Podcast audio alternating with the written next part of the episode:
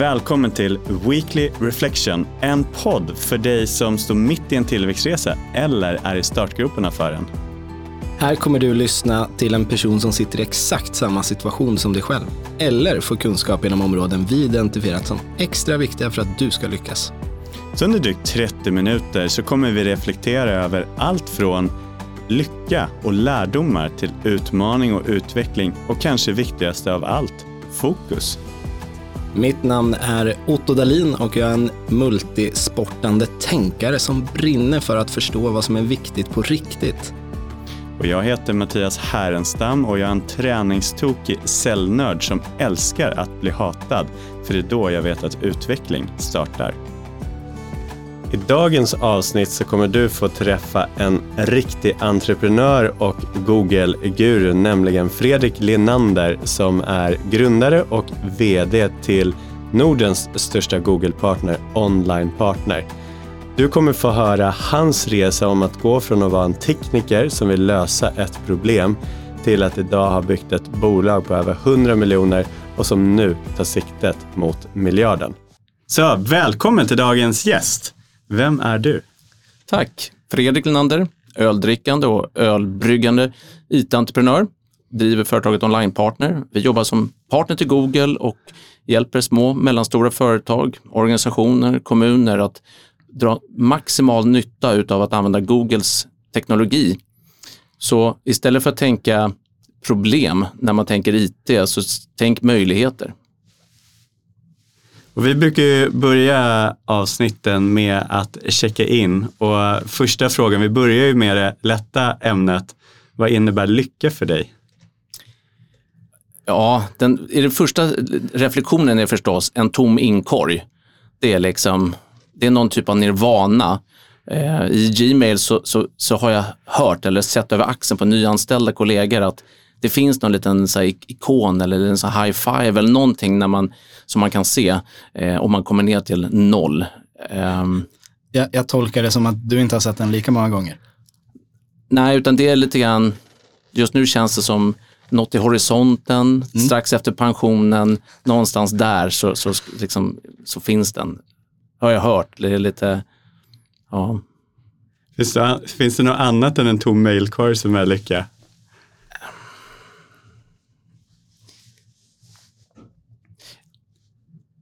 Det är väl att se andra människor runt omkring mig eh, att lyckas. Att se så att säga, mina tankar och idéer, att, så att säga, växa i andra. Skapa processer, rutiner och se att de faktiskt används och exekveras så att folk därmed så att säga, kan ta det vidare. Där jag själv, själv känner att jag kan ta ett steg bakåt och, och liknande. Ehm, och i, I jobbsammanhang så är det ja, lättast att översätta är ju att man, på samma sätt som när man ser barnen växa. Mm. Mm. Om du skulle göra en, en incheckning idag, hur lycklig är du just nu, skala 1 till 10?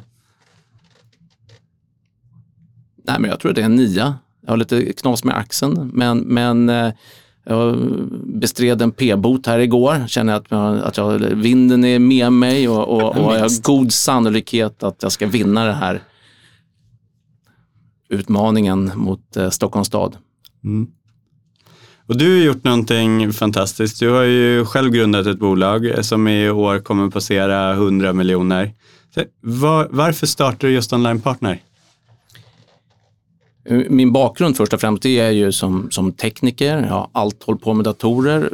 Från det att jag liksom fick tillgång till en liksom, eh, Commodore Amiga, kommer knappt ihåg när det var någonstans i början av 80-talet, så har det hela tiden varit en, en otrolig fascination för vad, vad teknik och IT kan, kan göra. Eh, runt 2000 så startade jag mitt första IT-konsultbolag och eh, fick väl inte riktigt jobba med den IT som jag ville göra, Linux och, och, och eh, brandväggar och switchar och storage och allt vad det var för någonting, utan jag var tvungen att jobba med Microsoft-produkter för det var det som kunderna behövde, vad de ville ha.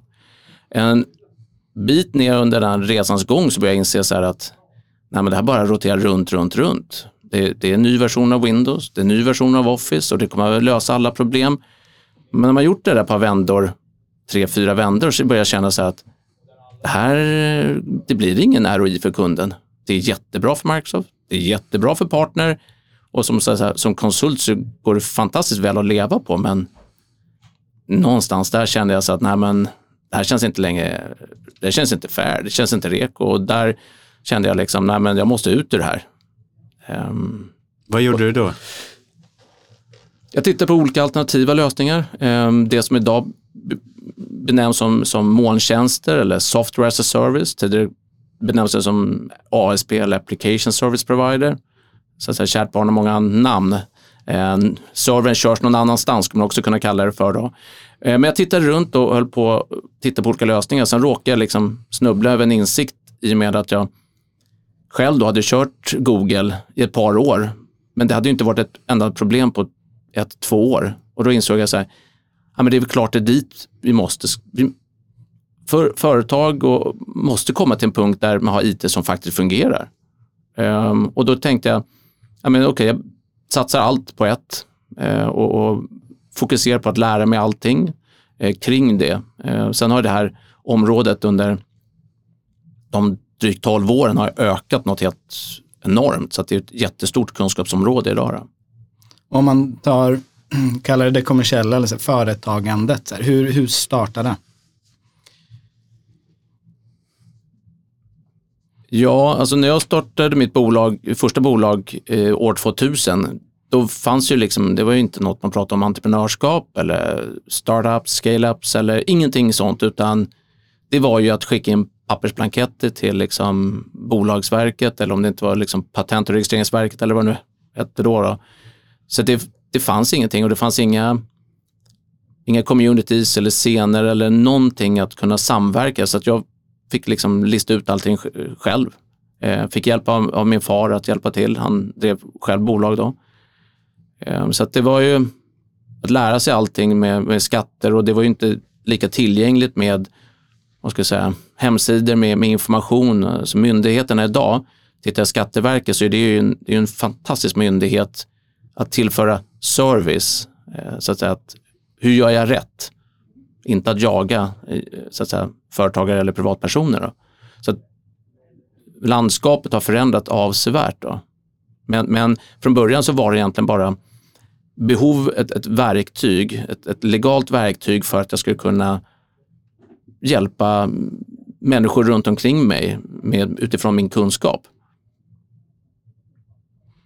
Entreprenörskapet är någonting som sen har, egentligen har vuxit fram utifrån det.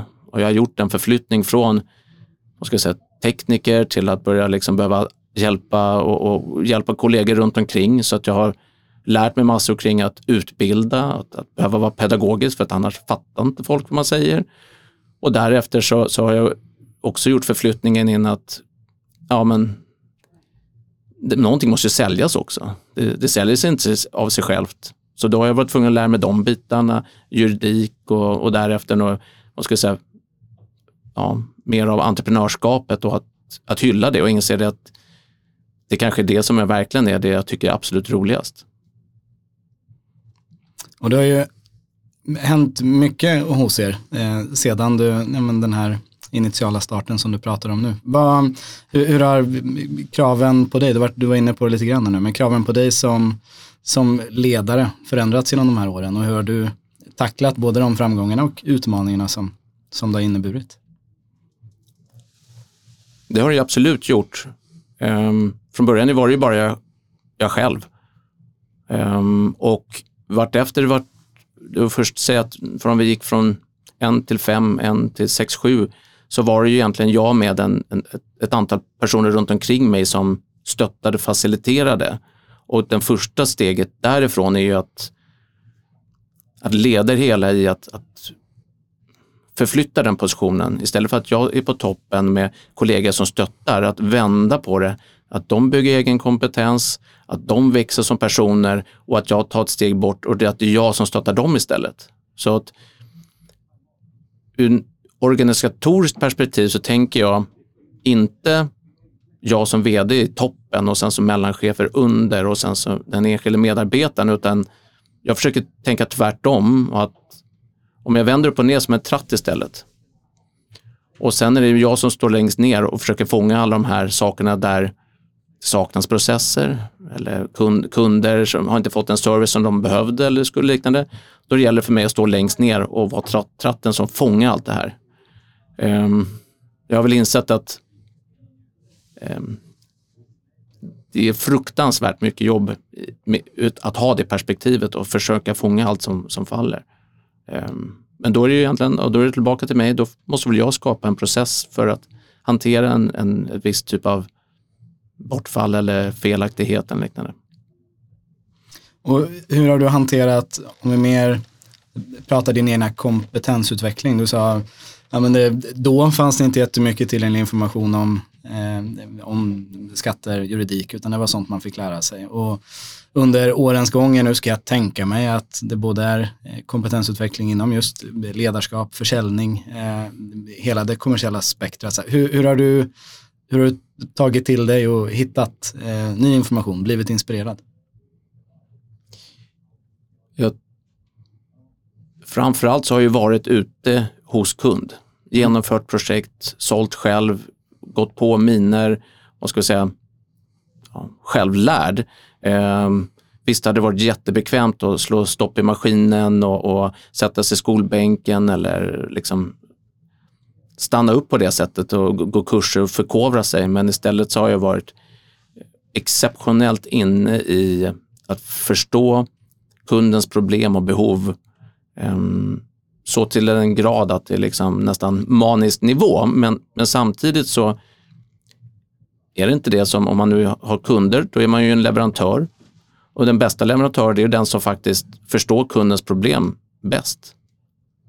Ehm, allt annat ligger någonstans i en skalet utanför om man tänker en lök. Liksom. Det, ligger, det ligger utanför. Så att jag har egentligen fokuserat på kärnan.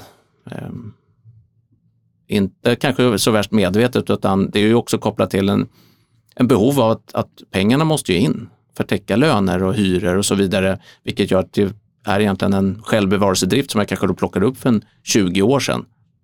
Att ha koll på att ja, men, intäkterna måste vara större än kostnaderna. Eh, ibland är kanske saker inte mer avancerat än, än just så.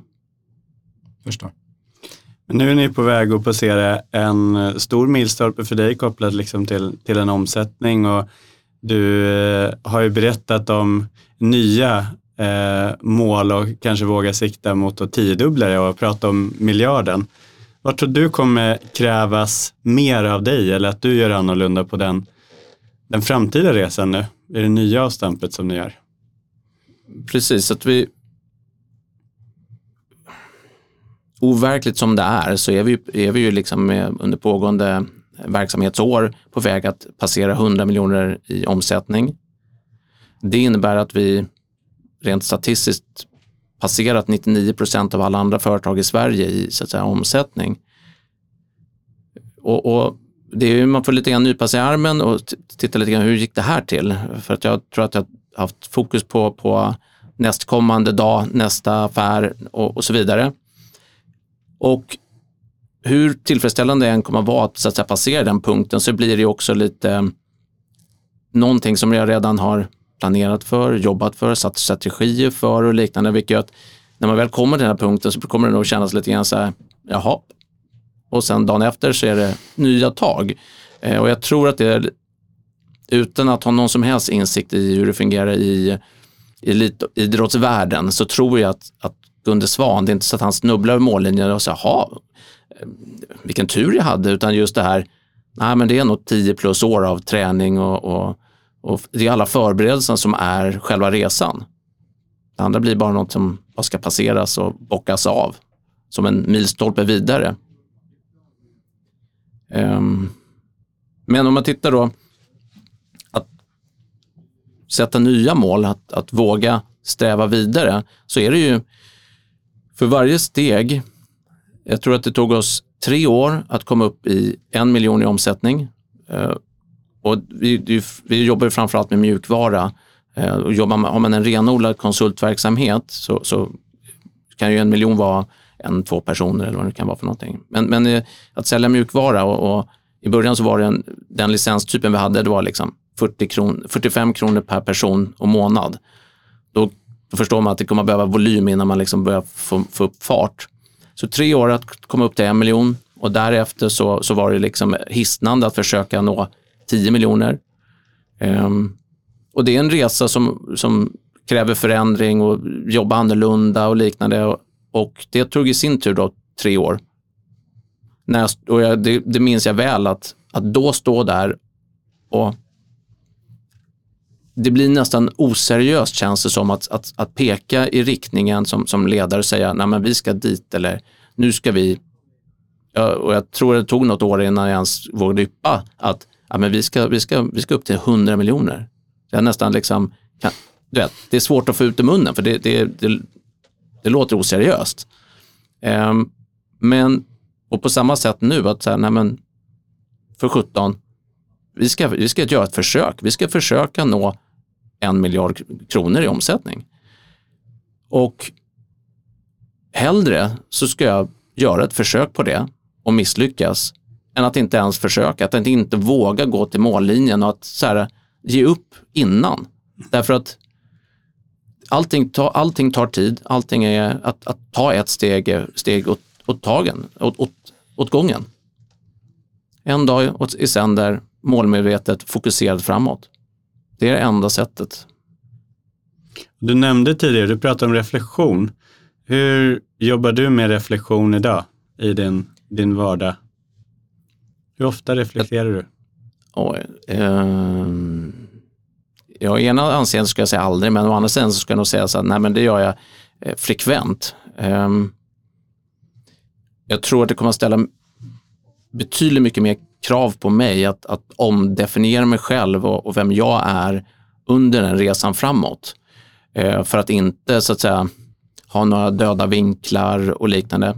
Och på samma sätt vara beredd att ta ett steg åt sidan och om det är så att jag inte längre räcker till under den resan. Därför att under den resan där vi fortsätter nu, eh, då är det, handlar det inte längre om, det handlar inte om mig. Det handlar om eh, så att säga, våra medarbetare, våra kunder, våra leverantörer. Det är så många fler som nu har, har ett beroende av verksamheten. Det är en verksamhet och ett lag.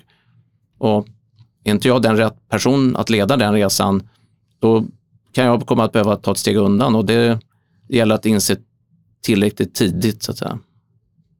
Ja, för nu är du inne på något som jag satt och tänkte på här också som just grundare och, och med den eh, framgången som ni har drivit nu och med de Eh, kalla kallar det stora ambitiösa målsättningarna som ligger framåt. Hur, hur har det varit, det du är inne på nu, så att, att plocka bort just dig själv ur, ur ekvationen? Är det enkelt, svårt eller lättare sagt än gjort kanske? Um, på gott och ont så är det här det jag har gjort um, dygnet runt i, i, lite drygt 12 år i den här resan. Och Eh, det är klart att det, det sätter spår. Det, det har gjort att jag har tvingats eh, förändra mig själv i en, bara i en, någon överlevnadsprincip, att driva framåt, att, att lägga eh, personliga behov, semester, ledighet eller hobbys, familj, vänner, relationer åt sidan är en aspekt. Det, det, det formar en, ehm, men absolut så, så ser jag framför mig en, en tid där jag kan, eh, kan jag göra mer av de hobbys som jag vill göra. Exempelvis då brygga öl. Eh, och, och, för ett litet kort sidspår där så, så började brygga öl, köpte en eh, bryggapparat, gjorde hemma tre gånger och sen så insåg jag att jag måste skaffa, skaffa, en lokal så att jag kan börja brygga öl i den här lokalen. Så det har jag gjort och sen så har jag vet, målat om takväggar, golv, dragit in el och VVS och, och allting sånt där. För att sen upptäcka att jag har ju inte tid att, att liksom vara ölbryggare. Så istället så står det står ju tomt nu, så är det någon som där ute har ett behov av att, eh, en ölbryggningslokal så är det bara att hojta till. Um, men det, det vore någonting kul att göra, om man nu någon gång får tid över. Men är inte det målet till 100 miljonersfesten att eh, all öl som serveras är bryggd av dig? Bra förslag. Jag eh, får se till att, att, att du får en inbjudan. Eh, men, men jag har bryggt och haft med till på, på, någon, på någon personalfest eller liknande. Alla tyckte att det var gott och, och liknande. Jag vet inte riktigt om, om de törs säga någonting annat. Jag hoppas att vi högt, tillräckligt högt, tak, högt i tak då. Där kanske då gränsen går att så här, okay, vi kan säga vad som helst till Fredrik, men vi kan inte säga att, att ölen inte smakar något vidare. Det är av största passion. nej, men det är också att, att faktiskt eh, att dricka öl, det, det, här låter ju märkligt, men jag använder en, en app som heter Untapped. Och jag tror att jag har, man checkar in öl. Så man drick, varje gång man dricker en, en ny unik öl så checkar man in den. Jag är uppe i en 2 500 så jag har lagt ut även en roadmap för hur ska jag komma till 10 000 öl? Och då har jag räknat att nuvarande tempo, och, eller konsumtionstakt kanske man ska kalla det, och med viss reservation för att det blir svårare och svårare att hitta unika öl så räknar jag med att, att ah, men okay, när jag fyller 60, där kommer jag också då ha passerat den milstolpen. Så det är ditt personliga tillväxtmål kan vi säga?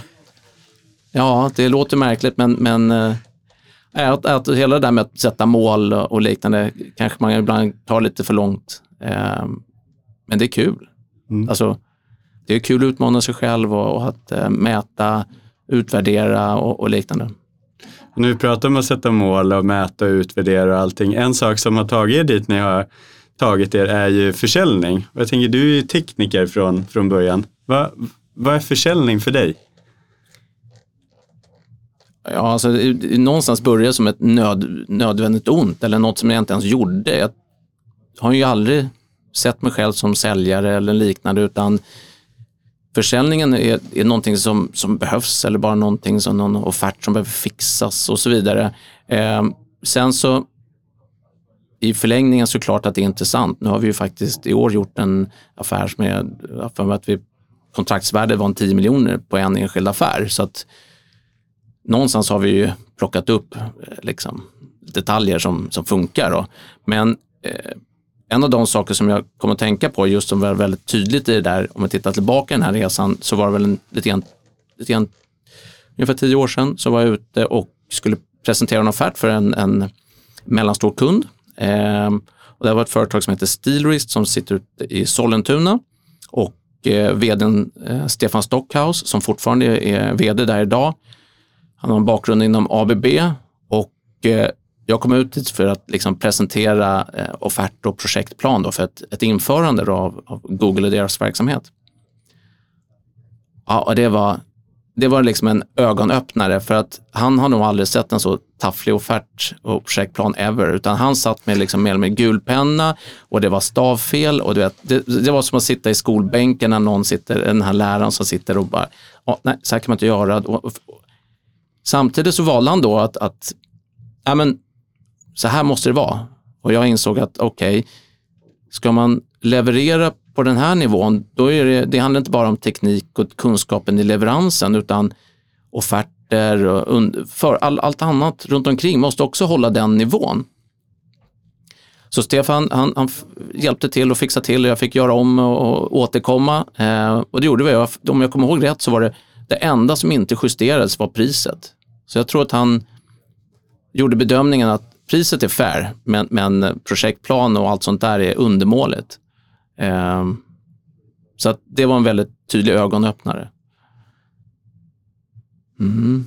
Hur har det varit att bygga en säljorganisation då, som du ändå har, har gjort idag?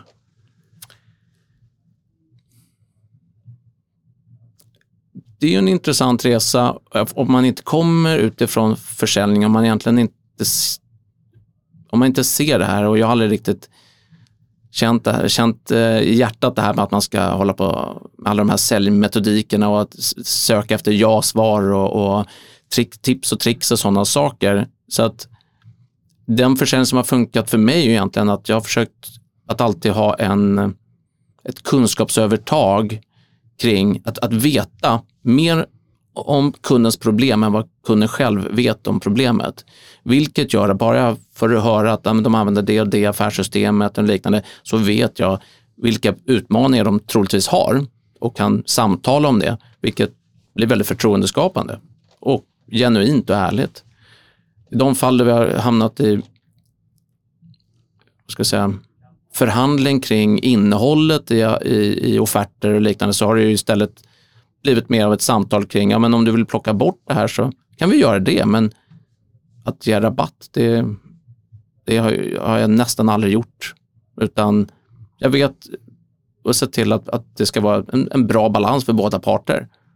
En fair, fair affär som, som ska gagna båda. Annars är det liksom lose, lose på något sätt. Och är det så som du beskriver nu som det har sett ut ifrån ja, men starten fram till idag eller det här kallar du då metodiken med kunskapsövertag? Är det, något, är, är det någon polett som har trillat ner senare hos dig? Nej, men någonstans så, så, så, så, insåg jag att jag kan inte vara överallt och jag ska absolut inte vara överallt. Och det är inte långsiktigt skalbart att man ska de som ska göra försäljning ska ha 10 års erfarenhet eller i mitt fall så har jag mer än 20, ja, näst, ja, 25 års erfarenhet av IT i någon typ av teknikerkonsultroll. Um, det är ovanligt och, och, den typen av resurs kan nog inte användas på det sättet. Så, så någonstans 6, 7, 8 år sedan så, så, så har, vi, har jag gjort olika typer av rekryteringar mot försäljning. Men jag har ju då inte kunnat stödja de personerna på rätt sätt. Ehm, mest signifikant är väl att jobba med att sätta mål och liknande. Eller att, eh, hur, hur, hur, skapar man drivkraft för säljare? Alla de bitarna har, har varit helt, eh, vad ska jag säga, det har jag saknat egentligen. Så jag har där istället försökt kompensera det med att fokusera med att eh, vad ska jag säga, jobba med värderingar. Hur vill vi bete oss mot varandra, mot våra kunder, att vara ärliga och liknande. Så att eh, därifrån så sen att, att, fortsätta att skala upp, eh, att få ombord. Och jag, jag tycker en, en, viktig bit har varit när vi har blivit, när vi kanske var en tre, fyra säljare, för då börjar det bli ett momentum och de har hittat sin egen kultur och liknande. Och det vi nu gör 2022, det är att försöka få ihop det här och se till så att vi använder samma språk, att vi jobbar mer, ännu mer metodiskt. Att det inte är varje säljare för, var för sig själv och att man har sin kunskap, sina kunder och sitt arbetssätt, utan vi måste få till så att vi blir en, mer av en lärande organisation. Inte i de tjänsterna som vi levererar, i, utan i hantverket, i det här fallet specifik försäljning. Hur eh, får man till det då? det var en ledande fråga. Nej, men man måste ta hjälp förstås. Eh, och eh, det var väl så vi kom i kontakt med Salesonomics då. Eh, så att eh, det var väl en flax, eh, framförallt när det gäller timing och att jag har ju känt, eller jag har ju känt att jag vet vad bristerna är eh, och det har ju varit kopplat till jag kan hjälpa mina kollegor att utbilda dem i, i verktyg. Jag kan förklara hur, det, hur, sälj, hur jag säljer, men, eh, men inte vad, vad är, liksom, hur säljer vi tillsammans? Må, sätta mål eller uppföljning, och, alltså mer av den renodlade säljmetodiken. Jag, där har jag bara mina egna erfarenheter och, och det går inte att applicera på, på de andra. Men en liten vattendelare inom försäljning det är ju också det här med incitament kopplat. Liksom, mm. Det är mm. väldigt vanligt med bonus, provision och sen finns det vissa som väljer liksom fast lön. Och vi har en tidigare gäst, Jenny Magnell från 1337 som jobbar helt utan incitament och det vet jag ju att ni också gör. Mm. Vad är det som har gjort att ni har gjort det valet? Um, jag, ja, för en 10 plus år sedan så, så, gjorde vi, då hade vi inte helt enkelt inte råd att uh, att anställa säljare på heltid. Så då hade vi några som jobbade på provision och att bara att försöka få ihop sådana, någon typ av provisionsmodell så att det ska bli välbalanserat är, är svårt. Eh, och det vart inte bra. Jag tror att man som säljare behöver ha lugn och ro. Framförallt, vi jobbar ju med komplex försäljning, sälja IT-lösningar och det kan ju vara en ledtider på alltifrån månader, men det kan ju med lätthet vara liksom ett, två eller tre år bort. Och då måste man ha lugn och ro att kunna, att kunna fokusera. Sen så jobbar vi med, ehm, med olika amerikanska leverantörer. Jag har sett under, under de här 20 åren inom IT så, så har jag ju sett leverantörer som det blir väldigt smärtsamt tydligt att, att den här säljaren jobbar med någon typ av provisionskomponent, vilket gör att jag som är så fokuserad på att lösa kundens problem kan då uppleva att, vänta nu, vi pratar inte om samma sak, vi är inte överens om att vi ska lösa kundens problem. För att du har någonting annat som, som spelar in här. Och det där kan, göra, kan ge en väldigt märklig upplevelse. Att så här, vill vi inte samma sak? Mm. Så att jag tror att eh, jag tror att det har att göra med, om man tittar på transaktionell försäljning, så tror jag nog att det kan absolut vara rätt metod. Komplex försäljning eller liksom megadeals, då, då tror jag att, att det är helt fel. Jag tycker du lyfter ett väldigt eh, intressant perspektiv av det just utifrån att verkligen säkerställa att man hittar den bästa lösningen för kundens problem och inte det som, som säljaren får mest provision eller bonus för. Det är ett väldigt bra perspektiv som du lyfter. Ja, och, och nödvändigt om man ska bygga långa eh, så att säga, relationer. Eh, jag har ju fortfarande kunder kvar och, och som jag har jobbat med i över 20 år det går inte om det är så att man har någon typ av win-lose-tänk där man så att säga, åh nu ska jag försöka tjäna lite extra pengar, någon tusenlapp extra. Jag kan säga att ha en och samma kundrelation i 20 år, det är att vinna i längden. Mm. Alltså, jag har gjort affärer där jag säger, nej men jag, jag tjänar inga pengar på det här, men jag vet att det här är rätt för, för den här kunden.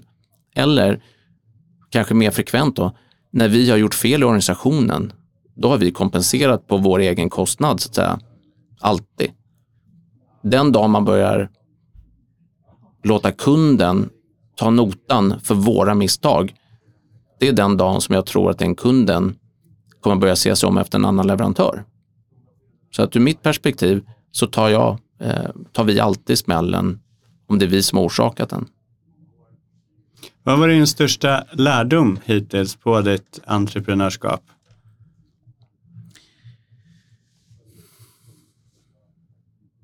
det är att det tar tid. Det tar väldigt lång tid. Ehm, andra entreprenörer som jag har pratat med och, min egen, eh, och enligt min egen erfarenhet är att det tar fem år att få någonting, vad det än är egentligen, att komma upp i luften och, och, och, få det momentum och den fart som behövs. Man kan tro på sin affärsidé men, men det är inte förrän man har varit där ute och testkört den och haft liksom hundratals säljmöten och fått riktig feedback från riktiga potentiella köpare. Och um, inte bara potentiella köpare utan de köpare som faktiskt har valt att köpa av det. Det är ju faktiskt de som, har, som tror på din, din leverans eller din paketering och liknande. Och det där kommer att ta tid att vända och vrida på att, att hitta rätt. Allt annat påstår jag är naivt att tro att man kommer träffa rätt på, på allt på första försöket. Mm. Om du tittar själv på, liksom när, när du tittar ut, finns det något bolag som du själv har inspirerats av under de här åren på deras tillväxtresa? Ja, jag nämnde ju tidigare Steelrist. Ehm, det är ett, eh, klassiskt industriföretag. De jobbar med att bygga rototilter, vilket är någonting som jag aldrig ens visste vad det var för någonting. Eh, och det kanske är andra som inte heller vet, men det är alltså en eh, vad ska jag säga, en, på en grävskopa så kan du sätta då en rototilt längst ut och det är alltså som en, en hand som gör att du kan rotera. Och det tycker man, det kan inte spela så stor roll, men vad det, vad det här möjliggör är ju att du inte behöver flytta på grävskopan lika mycket, vilket gör att du sparar tid och eh, bränsle. Så det är tydligen värsta grejen. Och eh, det jag såg dem, jag såg väldigt tydligt deras fokus på, på att jobba metodiskt och med och kvalitetsinriktat. Och i deras fall, så i tillverkande industri så är det här självklarhet eftersom man är ansvarig för så att säga, kvaliteten i de här produkterna på ett helt annat sätt. Eh, tillverkar du grävskopstillbehör så måste de funka. Eh, jag har följt och sett deras resa växa från 75, 75 miljoner till, till en halv miljard. Och jag skulle nog säga att utöver hårt arbete, vilket det alltid är, så att jobba så metodiskt eh, är, skulle jag säga är verkligen en av nyckel, nyckelfaktorerna för deras framgång. Nu när du har gjort den här resan så här långt, så här, om du fick göra om alltihopa från början, skulle du ha gjort någonting annorlunda? För 12 år sedan, eh, absolut. Jag skulle investerat, istället för aktiekapital på 100 000, hade jag investerat i bitcoin, 25 000 bitcoins, ja, mm, mm, 5,4 miljarder Så att absolut skulle jag gjort saker och ting annorlunda. Nej, men om jag, om jag då fortfarande var tvungen till att det skulle vara ett företag då, så skulle jag nog, en av de saker jag verkligen skulle lägga fokus på än mer, det är faktiskt det här med, med skriftliga, skriftlig dokumentation och rutiner. Det låter jättetråkigt, men det är så att, att, att få ihop det hela med att vem ansvarar för vilka rutiner och koppla ihop det med hur vi ska övervaka och utvärdera så att de här rutinerna lever vidare, utvecklas och, och förs framåt. Därför att när företaget sen börjar få lite momentum och växer, när, när lokomotivet har lämnat stationen, så då, finns, då går inte det längre utan då, då, har man, då har man tappat den möjligheten och det tar otroligt mycket resurser att försöka ja, jaga ikapp tåget när det liksom har stuckit. Så det är väl en av de saker som jag verkligen känner att, att fånga ihop det när man fortfarande har möjlighet till det. Vem är ansvarig för de här? Att säga att nej, men vi har 50 rutiner för olika saker, hur vi gör olika, saker, olika handhavanden. Därför att i det korta så är det så att när man är liten så eh, folk kommer och går och det är så i stora företag också förstås. Men tricket med att bygga någonting som, som faktiskt kan växa, det är ju att det arbete som individen gör, att, att det landar ner i ett papper eller ett, ett dokument så att om när personen slutar så är det faktiskt så att eh, kunskapen finns kvar. Annars är det så att mycket, ofta, så är det informationen försvinner ut ur organisationen och så kommer någon ny in och så får den mer eller mindre börja på ett nytt blankt papper eller någon gammal ouppdaterat material som man inte går riktigt att göra någonting med. Och det där är ett oändligt slöseri eh, med resurser, tid, eh, pengar. Så den, den tror jag att det är oerhört viktigt att förstå. Och sen så det här att när man, när man börjar de första åren eller liksom beroende på var man är i den här tillväxtresan så är det, det är väldigt lätt att tänka att där vi, befin, där vi befinner oss nu så har vi, vi har aldrig haft så lätt att attrahera bra, kompetenta, kvalificerade medarbetare. Men är man väldigt tidig i den här banan, då är man ju som eh, arbetsgivare oprövad. Man har, inte, man har inte koll på saker och ting. Förutsättningar finns inte och man har med största sannolikhet inte heller de ekonomiska förutsättningarna för att kunna avlöna eh, väldigt kvalificerade eh, medarbetare. Och för att ta det här så att säga, tankemässigt ett, ett steg vidare så finns i någon av eh, böckerna som Googles grundare skrivit så, så, så har de så här att eh, en av de vinnande sätten för att lyckas det är att bara rekrytera de absolut bästa medarbetarna. Mm, Okej, okay. easier said than done. Om du har i deras fall mer än en miljon ansökningar som kommer in per år och du, de plockar ut några, någon, några enstaka procent eller liknande. Om du har tusen personer som söker varje tjänst, då handlar det bara om att, vem, att bli duktig på att plocka ut den där tusende. Medan om man i andra situationer istället ska försöka rekrytera människor och det är, då är inga som söker. Och du till slut får retirera till Arbetsförmedlingen och du får, ja, oklart var, det, var, det, var, var allt det där kommer ifrån, men du får, du får ansökningar som är kraftigt okvalificerade. Då, då är det svårare. Så att allting har sin, sin tid.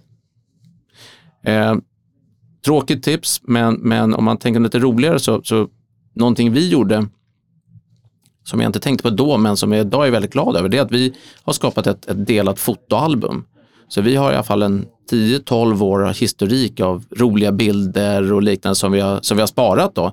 Så att små, små triumfer eller födelsedagsfiranden och, och firmafester långt tillbaka finns där. Och det albumet har vi tillgängligt för eh, så att säga, nya medarbetare också. Så att eh, där kan man liksom bläddra sig tillbaka och titta liksom och, och, få en känsla för företaget under, under tillväxtresan. Det är ett bra tips. Den, tycker, den ska vi kopiera direkt. Den, den stil with pride. Ja, Varsågod. Kul. Och med det så börjar det bli dags för oss att eh, avrunda det här samtalet. Men innan vi gör det så har vi en, en avslutande fråga. Vi skulle vilja be be dig om, om du ska skicka med tre råd till någon som sitter där ute och ska påbörja eller är mitt i en tillväxtresa. Vilka tre råd vill du ge den personen då? Den första är att om du inte tror på din egen produkt så är det ingen annan som heller kommer att göra det. Alltså, då får du sätta dig och, och, och vända och vrida på det. Eh, och ibland så kanske det är det kanske inte är rätt produkt att, att sälja. Eller så får man vänt, försöka gå ut, prata med kunderna, inte ur ett säljande perspektiv utan att försöka förstå hur kan den här produkten användas för den här kunden? Därför att kundens infallsvinkel på det här kan vara annorlunda än, än, än vad den är för dig. Så att genom att vara ute och prata med kunderna om, om hur de skulle kunna applicera den här produkten så kan du få insikter om hur du ska presentera den. Och när du har gjort det där tillräckligt många gånger, då vet du att men här har jag min nischkund. De vill använda den här produkten på det här sättet och jag tror det, för jag har haft så många samtal nu så att jag kan referera till kanske då kund, befintliga kunder eller kundcase, men, men framförallt vetskapen i magen att jag har en produkt som jag vet fin, att det finns kunder där ute där det är helt rätt. Då är det bara en fråga om att nå ut och prata med dem. Kommer jag, kommer jag i samtal med fel kund, då vet jag det. Då vet jag att det är därför som försäljningen inte lyckas. Då gäller det bara att, att tacka för, för samtalet och eh, ta nya tag och träffa någon annan. Så det var väl kanske ett, ett, ett, ett långt svar på den där. Men den andra är också att det är att inte ge upp. Och, och, att förståelsen för att, att det kommer att ske motgångar. Att, att vetskapen av att det går upp och ner, jag vet det, och jag försöker ta höjd för att ja, men det, det, det, det är ett konstant eh, så här, regn, regn av så här duggregn som gör ont i ansiktet nästan. Att det är så det är i den här entreprenörsresan och tillika i försäljningen också. Och där gäller det att, att komma till den punkten att man är okej okay med det. Att man ser det som en del av jobbet och att man inte längre besväras av det. Jag kan hamnar i situationer som är jobbiga och jag tar det, tar det hanterar det, lägger det bakom mig och sen så tar jag nästa steg framåt. Så att eh, det är väl kanske i särklass viktigaste att hitta vad som ger dig energi. Är det en jobbig dag, se till att den, jobba, göra klart den, ladda om och sen nästa dag så börjar man på nytt.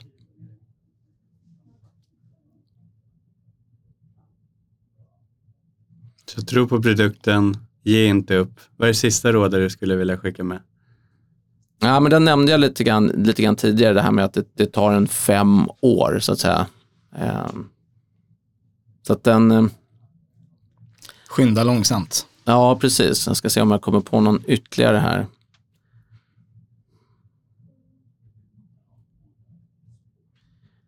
Men jag tror att en, en bit som jag haft med mig, det är också att försöka se till att göra rätt för sig. Göra rätt gentemot alla runt omkring. Därför att lämnar man lik runt omkring sig och avslutar, dåliga, avslutar med olika dåliga relationer, kundrelationer, leverantörsrelationer, medarbetare eller vad det nu är för någonting. Om man tänker långsiktigt och som jag beskrev innan att det tar sig åtminstone fem år innan det här får momentum, då har man inte råd med att ha en man ska, lik i garderoben och att man gjort sig, gjort sig ovän med folk. Därför att stan, det här landet är alldeles för litet för att, eh, så att, säga, att det ska finnas utrymme för massa ont blod. Tack, viktig påminnelse. Verkligen. Tack Fredrik för att du kom och gästade oss Stort idag. tack. Tack själv, kul att vara här. Vi har nu fått lyssna till Fredriks inspirerande resa att gå ifrån tekniker till att driva ett bolag som omsätter 100 miljoner. I nästa avsnitt så kommer vi prata säljtekniker och eh, närmare bestämt prata kring frågan säljtekniker. Är det manipulation eller verktyg att faktiskt förstå?